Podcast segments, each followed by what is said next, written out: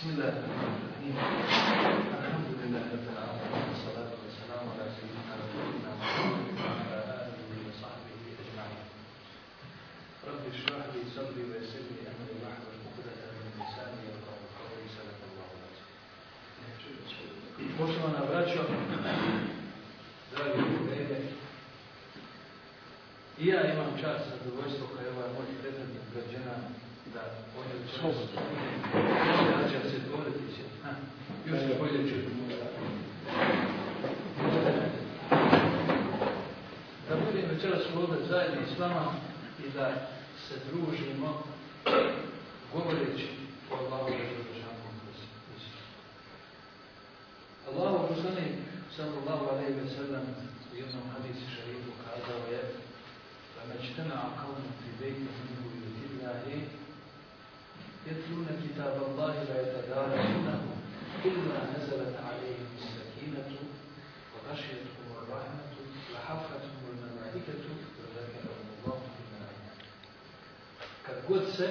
jedna skupina Allahove robova sakupi u nekoliko njegovih kuća da bi učili i proučavali u njegove.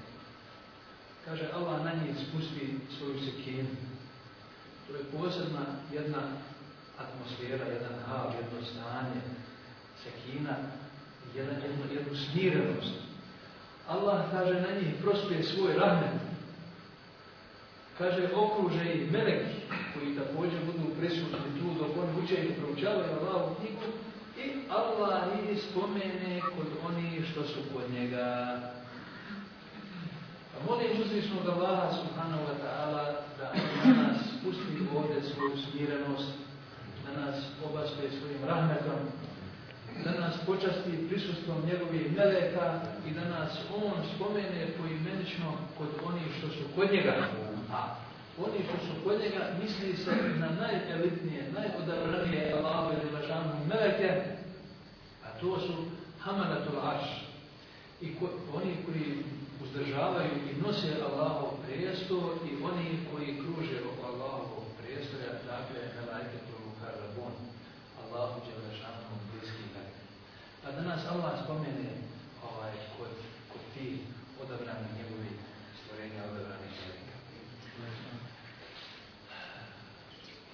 toga što bi ja vama imao kazati za ovu večerašnju temu, ali svakako ni vrijeme, ni prilike ne dozvoljavaju da to sve ovaj, opšetno kolaborira. Ali ja ću pokušati ovdje da napravim jedan sažetak moja dva predavanja koja sam ja držao i, i koja sam i objavio i tako dalje, koja govore naime o početcima Hivsa, o razvoju Hivsa koji govore o vrijednostima, vrijednostima Hivsa. O vrijednostima Hivsa. Dobro, uzvišeni da Ala je kazao nama dobro poznati ajet iz Tajgubila Inna nahnu nazalna dhikra wa inna lahu lahafidun. Zaista smo mi objavili Kur'an i zaista ćemo mi nad njim djeti. E, jedan od osnovnih postulata islamskog vjerovanja je da je Kur'an posljednja Allahova objava sačuvana u originalnoj formi, upravo onako kako je postavljena posredstvom Meleka Džibrila, Muhammedu sallallahu alaihi wa Muslimani vjeruju da je autentičnost kuranske objave zagarantirao Allah svemogući i da on bdije nad Kur'anom što se razumije iz navedenog ajeta kao i neki drugi koje ćemo citirati u ovom radu. Konkretna potvrda tome je da je svaki primjer Mustafa u kojem je sadržan Kur'an identičan originalu iz vremena, bez obzira u kojem dijelu svijeta se nalazio za razliku od desetina izdanja Biblije koja se razlikuju u stotinama detalja i podataka. U prilog koranskoj autentičnosti ide i činjenica da, na primjer, učaš Kur'ana na Filipinima, na identičan način uči određenu kordansku suru kao i učač iz Egipta, Saudijske Arabije, Turske, Amerike, Bosne i Hercegovine i bilo koje druge zemlje na planeti gdje žive muslimani. A sada kažemo nekoliko riječi o fazama, fazama čuvanja korana u dijelu koje sam vam preporučio, a ono je naravno, Kejfe Tahfazu Kur'an al-Kerim od autora Jahja Abdurazaka Kalfanija, navodi se pet faza čuvanja posebne Allahove Đelešanu objavi Kur'ana Kerima, a te faze su prvo čuvanje Kur'ana u levi mahfuz, u ploči pomno čuvanje. Ova sintagma levi mahfuz se spominje u Kur'anu. Drugo, Allahovo čuvanje Kur'ana u toku njegovog objavljivanja Muhammedu sallallahu alaihi I treća faza, čuvanje Kur'ana u prsima, memoriji vjerovjesnika sallallahu alaihi wa Četvrta faza je Allahovo bijenje tokom poslanikovog dostavljanja Kur'ana ostalim ljudima. I peta faza Allahovo bijenje nad Kur'anom nakon poslanikovog odlaska sa ovoga svijeta. Da kako da svaka od ovih faza zavređuje i zahtjeva makar i letimično pojašnjenje. Prva faza čuvanje poledi mahfuzu, pomno čuvanje. Uzvišeni Allah Zerbašanu u suri Al-Buruđ 21. i 22. ajet ajetu kaže Bel huva Kur'anom međir fi levhim mahfuz ovo je Kur'an veličanstveni na ploči pomno čuvan. Iz navedena dva ajeta nedvosmisleno se razumije da je Kur'an i Kerim čuvan u Levi Mahfuzu, a kada je došlo vrijeme njegovog objavljivanja, Allah Đelešanu ga je spustio na nama najbliže nebo, Bejtula Ize, a odatle po potrebi prema događajima u toku 33 godine objavljen Allahom poslaniku sallallahu alaihi ve sellem. ne izgovori Tefsir ibn Kesira. Kur'anska sintagma filevhe mahfuz, filevhe mahfuz ukazuje na čuvanje i zaštitu kur'anskog testa od bilo kakvog iskrivljivanja, dodavanja ili oduzimanja. To je kur'anska matrica, odnosno zaštićena ploča na kojoj je Kur'an ispisan.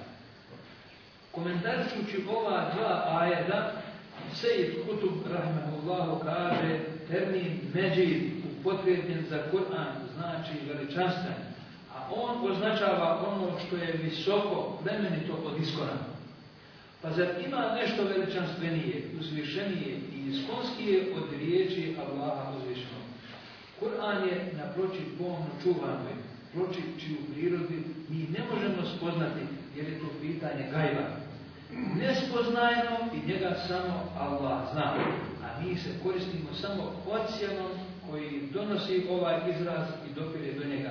Onaj koji ga stavlja u srce. A to je da je Kur'an sačuvan, stalan, da su njegove riječi posljednji izvor u slučaju svih pitanja koji se Kur'an dotiče. Svakom sudu i svakoj riječi on je sačuvana obskrba.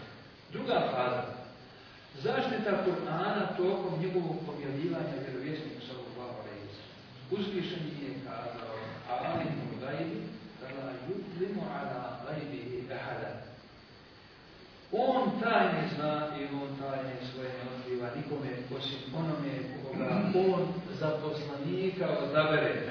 Zato on ispred njega i iza njega postavlja one koji će ga čuvati.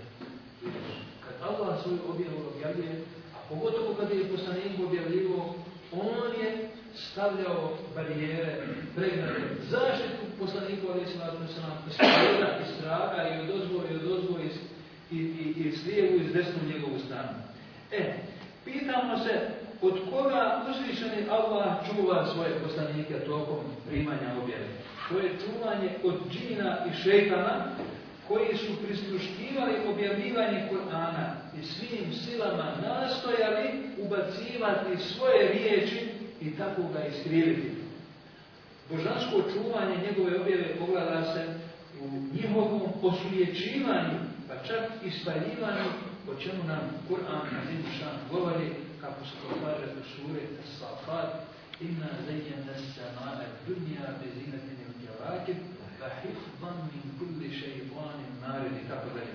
Mi smo nego najbliže vama sjajnim zvijezdama pokitili i čuvamo ga od svakog šeitana prkosnika, da ne prisluškuje, prisluškuje društvo najviše. Njih sa svih strana gađaju, dakle džine i šeitane, sa svih strana gađaju da ih otjeraju, njih čeka patnja neprekije.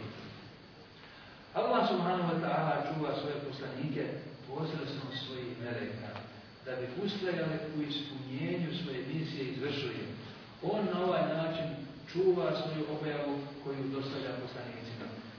Vid zaštite Kur'ana jeste i to da su se nebesa napunila moćnom stražom i čuvana su sa svih strana. Šeitani su protjerani sa svih mjesta na kojima su sjedili prije toga kako bi, kako ne bi prisuštivali Kur'an i dostavljali ga vraćarima, te da tako dođe do zbrke i da se ne raspoznaje ko govori istinu. Ovo je jedan vid Allaha među blagodati i milosti prema njegovim robojima. Jedan vid čuvanja njegove knjige. Zbog toga su džini kazani, kazali وَأَنَّا لَمَسْنَ السَّمَاءَ فَوَجَدْنَاهَا مُلِدًا حَرَسًا شَدِيدًا وَشُهُبًا mi smo nastojali nebo dotaknuti i utvrdili smo da je moćnih čuvara i zvijezda padalica puno i sjedili smo okolo njega po gusnjama da bismo šta čuli, ali će onaj ko sada prisluškuje na zvijezdu padalicu koja vreba najveći. Dakle, sve te čine i šeitane koji su po gusnjama, u zasjedama sjedali, da bi prisluškivali ili doznali čuli nešto i da bi također prije nego što objava to jednog poslanika oni vijest, odnosno dezinformaciju o tome je proširili Allah je osvjećivao tako što ih je zvijezdama, padalicama ili onim meteorima i kometama ovaj, spaljivo i na taj način ih onemogućavao i oni evo sami to priznaju kako Allah navodi u svojoj živi i mi smo nastojali nego dotaknuti ili i utvrdili smo da je moćnih čuvara i zvijezda padalica. Ibn Abbas, radijallahu anhuma, je rekao šeitani su imali mjesta na nebesima gdje su sjedili i prisluškivali objavu. Zatim su silazili na zemlju i dodavali na svaku riječ devet svojih riječi. A kada je trebalo da objava bude poslana Muhammedu sallallahu alaihi wa sallam bili su spriječeni da pristupe u običajnim sjedištima i gađani su plamtećim zvijezdama koje je ispržene.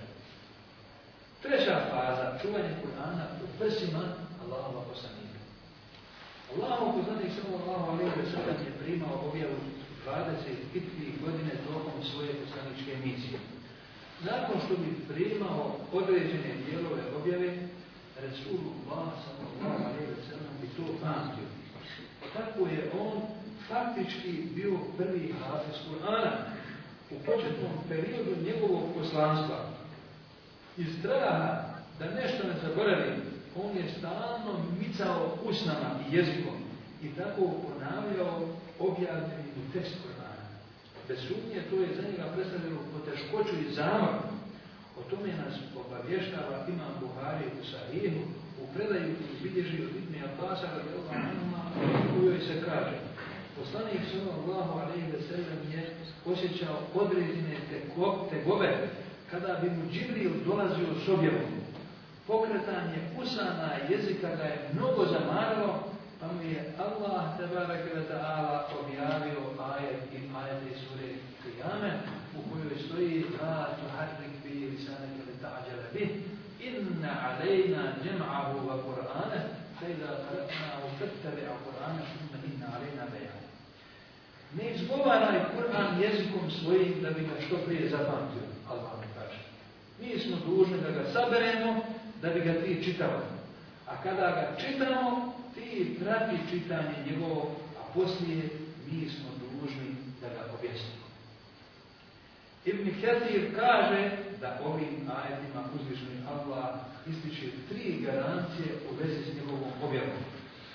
Čuvanje Kur'ana u prsima poslanika, ali i učenje Kur'ana i objašnjenje njegovih značenja. Zahvaljujući tome, posljednja Allahova objava nije doživjela sudbinu ranijih objava čije je čuvanje uzvišeni Allah prepustio ljudima kao na primjer Tevrat, po se u Kur'an Kerimu kaže mi smo objavili Tevrat u kome je upustvo i svjetlo. Po njemu su jevrejima sudili vjerovjesnici koji su bili Allahu poslušni i čestiti ljudi i učeni od kojih je traženo da čuvaju Allahovu knjigu i oni su na dnu vjeru. Iz ovo pravite razumijemo da se od Benu israela tražilo da čuvaju te vrata. A dok Allah od nas nije uputio imperativu u tom obliku, nego je rekao što smo objavili a mi ćemo ga čuvati, Allah preuzeo obavezu na sebe da će, da će ga on čuvati i čuvati.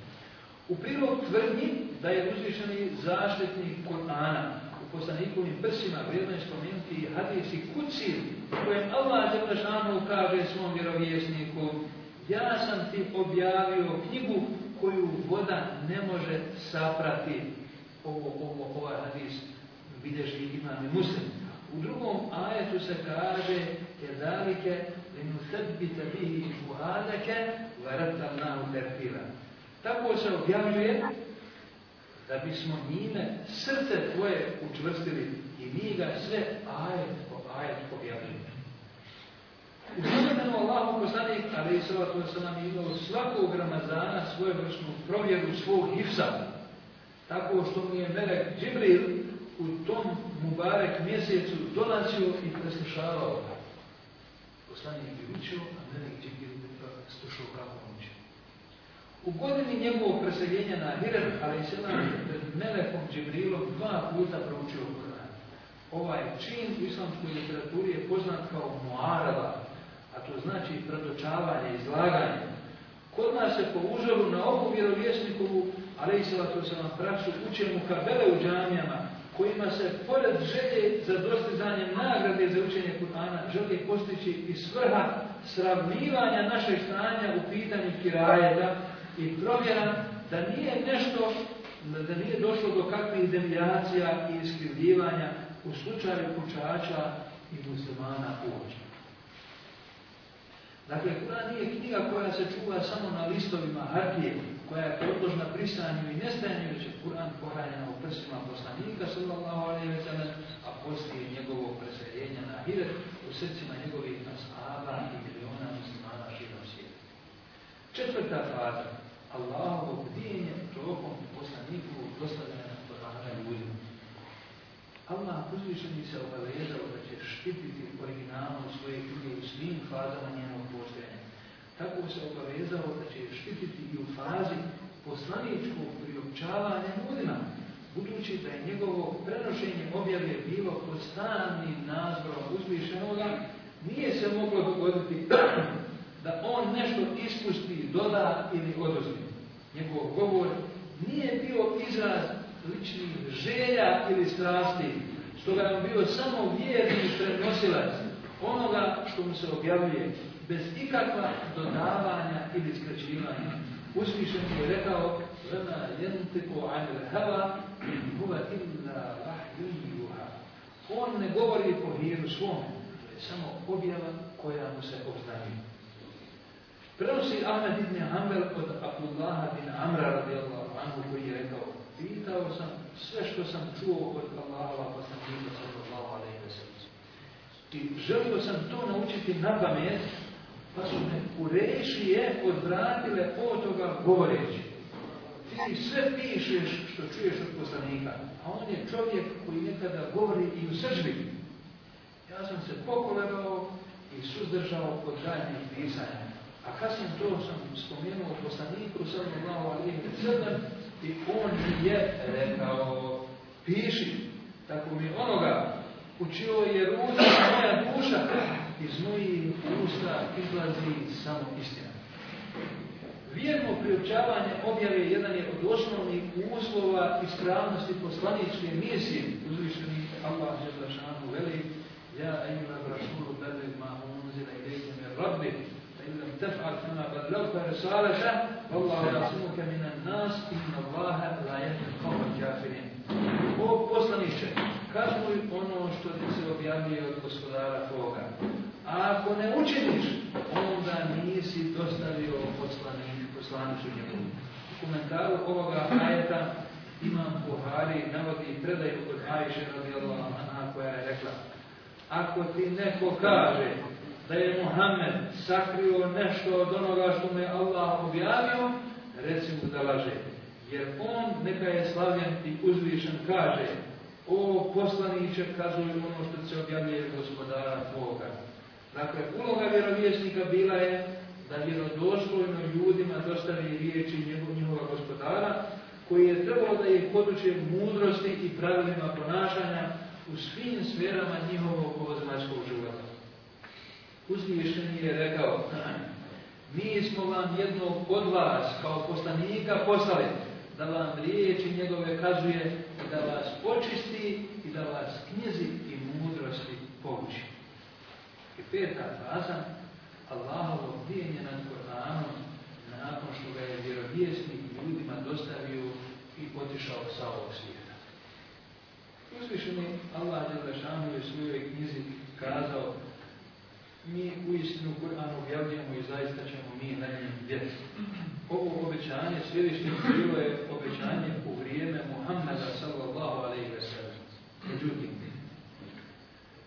kada ga pogledamo sa ovo vremene distance, moramo stvrditi da je ono muđiza nad naravnost koja svjedoči o božanskom porijeklu ove knjige koju osporava samo inađija prkosni ili neznalica obraženi. naravnost, Kur'ana posvjedočena samo kroz ovaj ajet, utoliko je veća kad imamo na umu da su muslimani prolazili kroz dramatične faze svoje povijesti. Vidiš, kad bismo mi pripisali čuvanje Kur'ana i čuvanje njegove autentičnosti i originalnosti ljudima, mi znamo kroz kakve smo mi sve faze u našoj povijesti prolazili. Da smo jedva spašavali živu glavu, ovaj, jedva spašavali svoje porodice, jedva spašavali svoj dobro i tako dalje. I onda nismo imali kad ovaj, boriti se za, za, za čuvanje autentičnosti Kur'ana a Bosna toga što su muslimani prolazili kroz vrlo teške te faze u svojoj povijesti, a Kur'an i da je ostao autentičan, govori da Allah nije nad njim i da ga Allah uzvišeni čuva.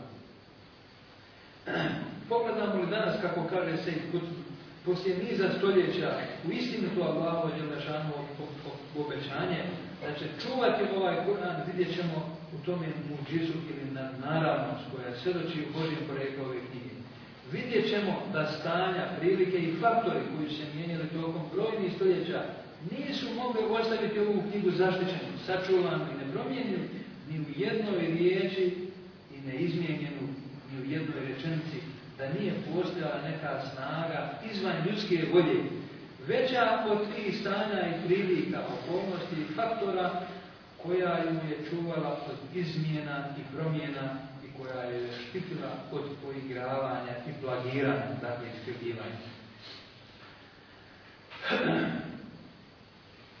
Naznačeno čuvanje možemo podijeliti u tri segmenta. Prvo, čuvanje koranskih slova i riječi u onom obliku u kojem su objavljene Allahom poslanima, te njihovo prenošenje mutevati predajom do sudnjeg dana. Dakle, mi ovaj Koran koji danas učimo, prenešen je do naših dana mutevadir predajom.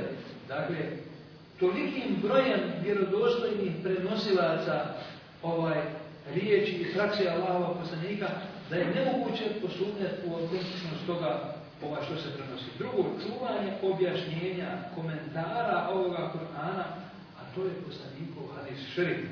I treće, postojanje hafiza Kur'ana koji je i izabrao između svojih rogova, koji će ga nositi u svojim prsima, memorijama, izgovarati, širiti i dostavati ljudima sve do sudnjeg dana, onako kako je objavljeno.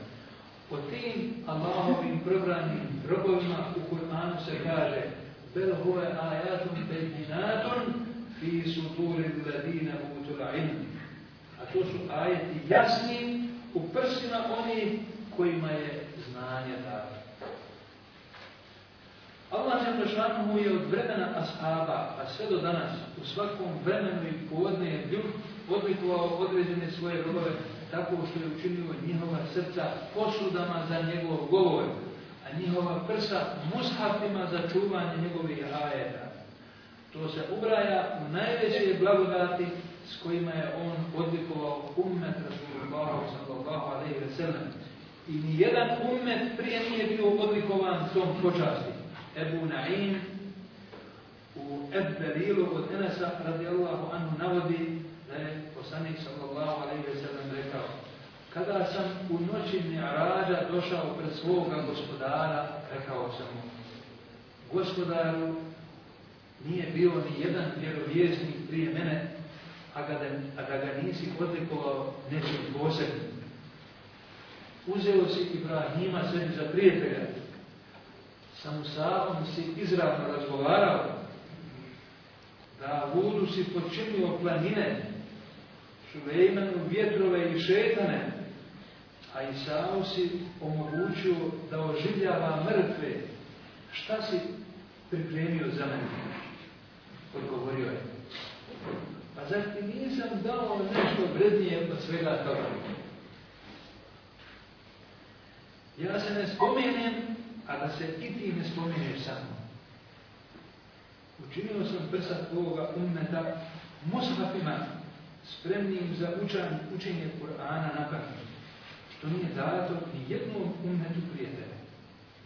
I dao sam ti jednu od risnica Arša, a to je la havla la illa billah. Zaista, braćo moja, blago istinskim nosilicima Kur'ana, časnog na ovoj časti koju im je ukazao Allah uzvišenje. Oni treba da tu svoju odlikovanost nad ostalim ljudima pokazuju na svakom koraku i u svim životnim prilikama. O hafizima kao nosilcima i čuvarima Allahove knjige bit će govora u nastavku, inša Allahu ta'ala, gospodar naš, pomozi nam da budemo dostojni časti koju si nam ukazao i učin nas vodljivim borcima na tvom putu služenja tvome Korhanu. E, ja imam sad jedno drugo predavanje koje govori o odlikama Hifsa i Hafiza. Ako hoćete to da vam nešto izlazim iz ovoga, a ako nećete, onda, pošto ste umorni iz puta, ja bi vam ostavio ova dva ova predavanja, pa da vam se kopiraju pa da vi možete sami to imati kod sebe i možete čitati. U prsima, prsima su oni kojima je znanje dana. To je jedna od osobenosti, blagodati i prednosti umeta pe sallallahu alaihi i recena na sredbenicima postavi i poslanika. Što je uzvišeni u srca nekih sredbenika pohranio njegov govor, a prsa njegova učinio musafem. Njegova druga odlika nam postavljena je i to što im je on i olakšao put do tih počasti. Kako Allah u suri Al-Hamar kaže وَلَقَدْ يَسَّرْنَا الْقُرْآنَ لِذِكْرِ فَهَرْنِمُ الذِّكْرِ Mi smo Kur'an olakšali za pamćenje, pa imali li ko da pouku primiti. Ima li ko da iskreno započne učiti Kur'an pa da ga pomognemo kako navodi imam i Kurtubi u svom tefsiru tumađeći ovaj ajet. Dakle, ovim ajetom Allah uzvišeni kao da kaže ima li ko da iskreno započne učiti hivs pa da ga pomognemo na tome putu. Ako se osvrnemo na generaciju koja je živjela sa Allahom i poslanikom, prvu generaciju muslimana na stave, vidjet ćemo da su oni pokazivali najveći stepen respekta prema Allahovoj knjizi na razni način, a prvenstveno učeći je i primjenjujući je. Imajući vidu spomenuto, sasvim je razumljivo da su ashabi radi Allahu kao gorljivi sedmjenici poslanika poklanjali veliku pažnju učenju, proučavanju, oni su se međusobno natjecali ko će naučiti više Kur'ana na pamet i to su posticali svoju djecu. To razumijemo iz predaje koju prenosi Abdullah ibn Abbas radijallahu anhuma, a u kojoj stoji kada je Allahov poslanik sallallahu alaihi ve sellem preselio, ja sam imao deset godina i, vi, i već sam znao el mohem, Nekoga je pitao, a šta je to El Muhkem? Rekao je, to je El Mufasa. A to znači da je znao na pamet od sure El pa do kraja Korana. Ovu predaju bilježi Imam Buhari. Svaki ashab pamtio je nešto iz Kur'anih a oni koji su pokazali poseban interes i darovitost, naučivši veći dio ili cijeli Kur'an, u narodu su se zvali El Korra, odnosno Karije, bilo je dosta ashaba koji su znali veći dio ili cijeli Kur'an na pamet, što potvrđuju i neki historijski podaci. Poznat je slučaj sa 70-oricom Hafiza koje je poslanik poslao četvrte godine po Hidžin u jedno pleme izvan Medine da ljude podučavaju Kur'an. Stanovnici tog plemena pokazaše neprijateljstvo i kod izvora une sve ih ubijaše. Skoro isti gubitak muslimani su doživjeli ubrzo nakon poslanikove, ali i sada smrti u bici na imami sa lažnim poslanikom Musaevom Belkedavom, kojom prilikom je također poginulo više od 70 hafiza. Ta dva slučaja nemala su drugog halifu Omera bin Al-Khattaba radijallahu da naredi sabiranje Korana u jednu zbirku broj hafiza u vrijeme vjerovjesnika sallallahu alejhi ve sellem. U islamskoj literaturi koja se bavi ovom problematikom navode se različiti podaci po broju hafiza. U hadijskim djelima spominje se nekoliko predaja o broju hafiza u vrijeme poslanika sallallahu alejhi ve sellem. Imam Buhari u Sahihu bilježi da je Abdullah bin Amr bin Al-As rekao Čuo sam vjerovjesnika sallallahu alejhi ve sellem da je rekao uzimajte, uzimajte znači, učite Kur'an od ove četvorice. Abdullah bin Mas'uda, Salema, Muada i Ubejt Nikava. Ovo nalazi a, Ibn al-Hađar u Fethul Bari u 10. tomu stanca 56.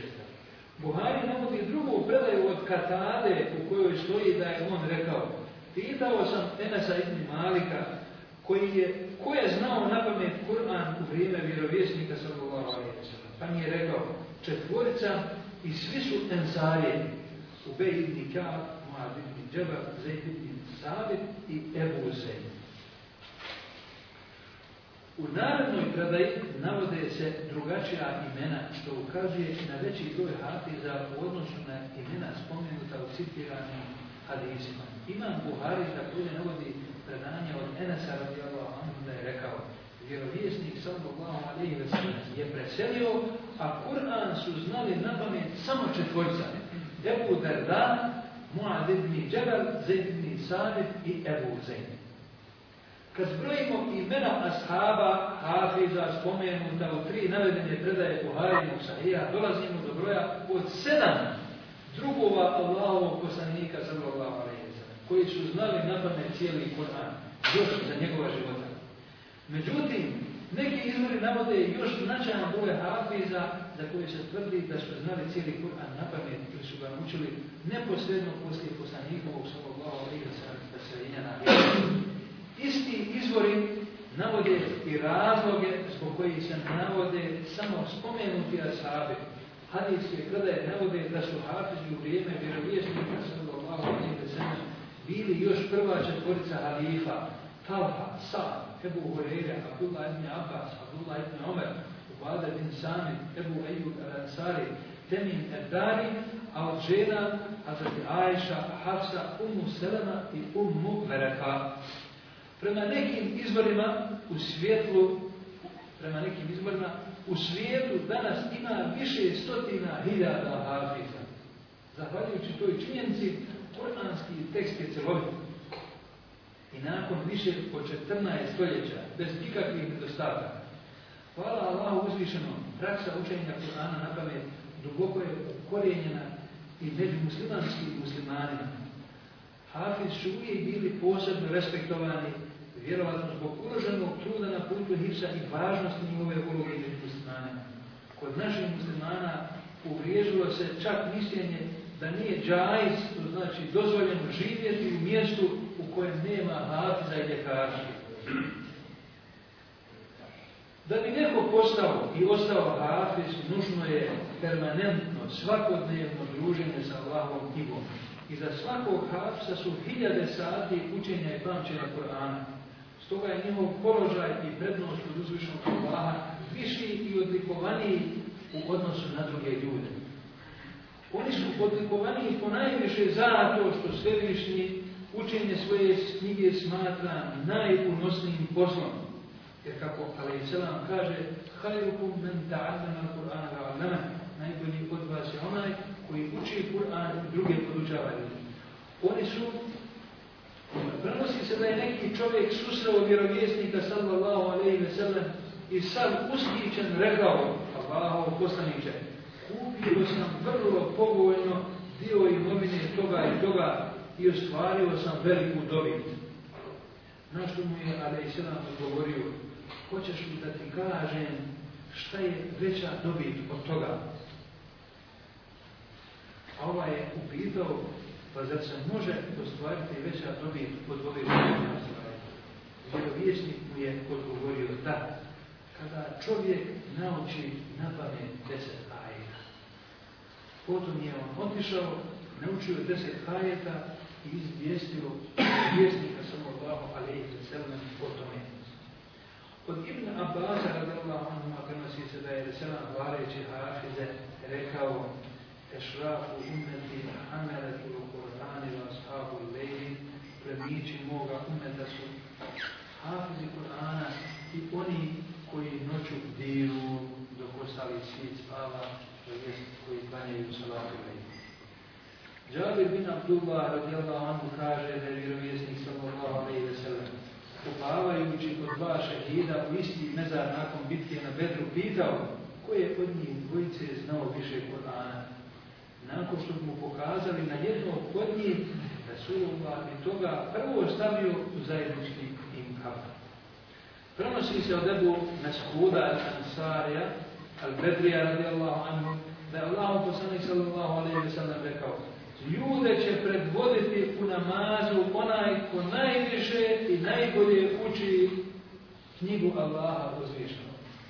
A ne po nekoj dunjavčkoj tituli koju je dobio ovdje. Abdullah ibn Abbas radijallahu anhuma je rekao istinski učači Kur'ana, hafizi, bili su članovi šure savjetodavnog vijeća za vrijeme halife Omera bez obzira na njihovu starostnu dobu. Dakle, jedini šart za Alijevu Hazret Omera bio je da bude član ovaj, njegove žure da se hafiz Kur'ana. Dobro? E, o ahiretskoj deređe hafiza u džennetu na vrlo slikovit način kazuje predaja koju bilježi ima Taberani kako u toj predaj se kaže da je Allah sallallahu alaihi wa sallam rekao Hafiz će biti prvaci među stanovnicima džemene. I sljedeći hadis ukaže na položaj Hafiza na sudnjem danu. Ko bude učio Kur'an i nauči ga na pamet, praktikujući njegove naredbe i čuvajući se njegovih zabrana, Allah će ga uvesti u džennet i dozvolit će mu za uzimanje šefaat za deset stanova njegove porodice, od kojih je svaki već bio zaslužio ulazak u džehennem. Od Abdullah bin Amra bin Al-Asa prenosi se da je poslanik Salaam rekao reći će se na sudnjem danu onome ko bude na pamet učio Kur'an. Uči i peni se. Uči kao što si na dunjavu učio. Tvoj stepen u džennetu bit će tamo gdje proučiš posljednje ajat. Kod Ebu Horeire radijallahu anhu navodi se da je vjerovjesnik sallallahu alaihi wa sallam rekao doći će Kur'an na sudnjem danu i reći ja rabbi oprosti oprosti tome i tome. Pa će mu biti stavljena krona časti. Zatim će reći gospodaru povećaj mu. Pa će se učač ogrnuti ogrtačem časti. Onda će Kur'an reći o gospodaru Budi zadovoljan njime, pa će Allah uzvišni biti njime zadovoljan i reći će uči i penji se, a za svaki proučeni ajer bit će mu dan. Te počasti neće pripasti samo onome ko uči i nauči Kur'an na pamet, već se te Allahove blagodati protežu i na njegove roditelje koji također imaju udjela u Hafizovom uspjehu, gdje su ga bodrili, kuražili i odgajali u duhu ljubavi prema Allahovoj knjizi i njenom pamćenju. Od Mu'ad za bin Enasa radijallahu anhu prenosi se da je Resulullah sallallahu alaihi wa sallam rekao ko bude učio Kur'an i radio po njemu, Allah će njegove roditelje na sudnjem danu odlikovati krunom krunisati krunom, čije će svjetlo biti ljepše i bleštanije od svjetlosti sunca u vašim dunjavočkim kućama.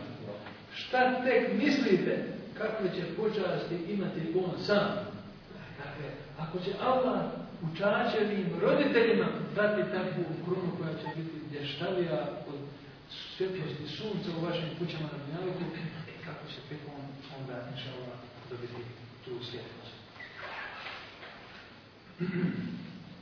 Ukazujući na smjernice islamskog odgoja djece vjerovjesnika, samo alaihi ve sellem je posebno ukazao na ljubav prema Allahove knjizi i njemu učenju na pamet, obećavajući hafizima najelitnije društvo u džennetu rekaši odgajajte vašu djecu znaku prije svojstva da vode vjerovjesnika, njegovu porodicu ehli i ljubav prema Kur'anu.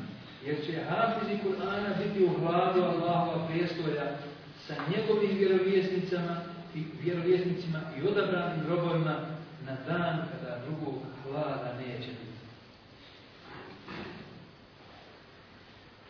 Ahlak čuvara Kur'ana zbog svih navedenih počasti i stepena koje je odredio vjerovjesnik sallallahu alaihi wa sallam Hafizi bi trebalo da prednjače u svim vrlinama koje je kras je istinski Allah rabove. Tako Fudaju bin i ja kaže, oni ne treba da imaju potrebu za nekim, bilo vladarima, bilo nižim od njih, već potrebe stvorenja treba da budu usmjerene prema njima.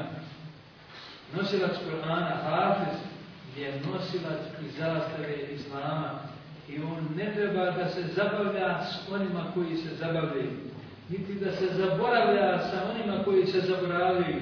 Niti da griješi sa onima koji griješe iz počasti prema haku Korana. Prema pravu Korana. Imam i Gazalija u svom javu navodi da je Abdullah Hitni Mas'ud jedan veliki učač iz reda ashaba kojim je sam poslanik sallallahu alaihi wa sallam bio muhafiz ovaj, koji je pred poslanikom naučio hifs eh, i veliki zanimljenik u Kur'an eh, je rekao hafiz Kur'ana treba da se prepoznaje po svojoj noći dok drugi spavaju po svome danu dok su drugi nemarni po svojoj zabrinutosti dok su drugi bezbrižni po svome plaću dok se drugi vesele i smiju, po svojoj šutnji dok su drugi govorili i po svojoj poniznosti dok se drugi povole. Hafiz treba da bude skrušen i blag, a ne treba da bude neodgojen, svađalica, brdljivac i grubijan. Molimo Allaha milostnika da nas i našu djecu nadahne i usmeri prema Koranu da nam ga učini predvodnikom na dunjaluku, drugom u kaborom i zagovornikom na sudnjem danu. Amin. Ja, Allah poživio, još može, ja mislim, kad mi organizirali jedan maš ovaj, neki, neki mač, što kažu, ovaj, e, neki, neki, neko putovanje, pješačenje, ja mislim da bi se pola nas prije umorilo nego neko Dito što bi se umorio. Ovaj, iako Dito ima oko 89. godina znači. Znači 9. decembra. Pa prvi je vidim. Ali slušajte, dedo nikad ovaj, nije pušio, dedo i kad čaj pije nemeće šećer, ne. ovaj, a, a, dedo ovaj, se posudio to bere čajeve razno razne od trava i tako dalje. Dedo se čuva posudanje od zamnoće i tako dalje.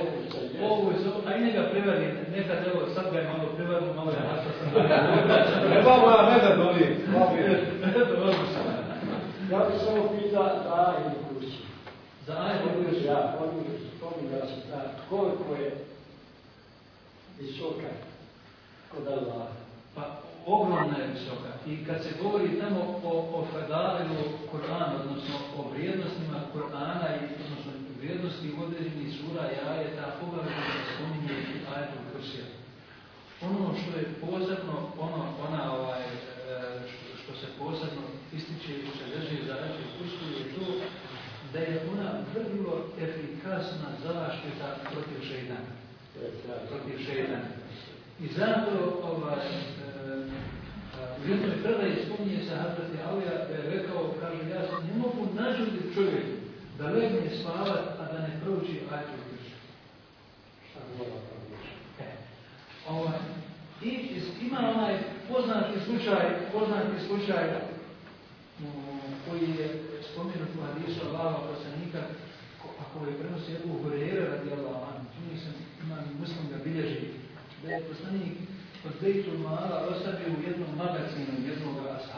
чува, да чува горна кои се дошла, не и на зекарата и се зека Шта li е било? Ali uglavnom zeka.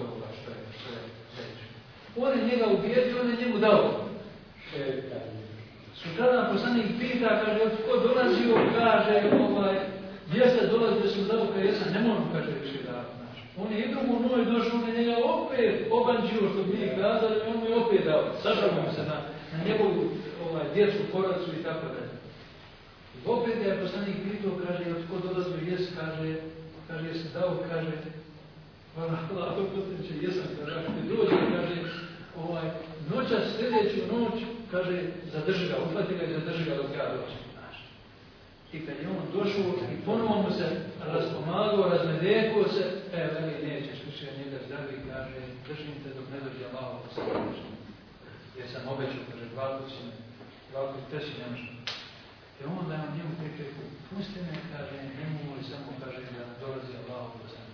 Ako me pustiš, kaže, večeras, da, da poslanik ne dođe, kaže, reći ti nešto, reći ti nešto, kaže, pomoću čega ti šeitan nikad ništa neće moći i on rekli, šta je to? Kaže, to je ajdu misli. I on ga pusti. Sutradan poslanik ponovo dođe i kaže, dolazio jest, kaže, jesam mu dao, nisam, ufatio sam ga, ali mi rekao tako i tako, Allah Ovo Ovaj, da će mi nešto reći, što će mi biti izvanredna ovaj, zašta produšenja. Pa šta ti je rekao? Rekao je, kaže, da ovaj, mi šeitan neće moći navoditi ako budem učio ajetu Kaže, ovaj, da znaš ti, kaže je Rere, koji je to bio? Kaže, ne znam a to je, kaže, bio, kaže, Iblis vana Dubara. Kaže, rekao je istinu, ali da znaš da Iblis u biti vaši. Rekao je sad istinu, zajedno kršio, ali Iblis u biti u biti laže. Dakle, ima još prodaje koje govore o vrijednostima Hajdu Kršita. Sam ja, njezin, ovaj, njezin, njezin naziv, ovaj, sam govori. Ovaj, Zato sam ja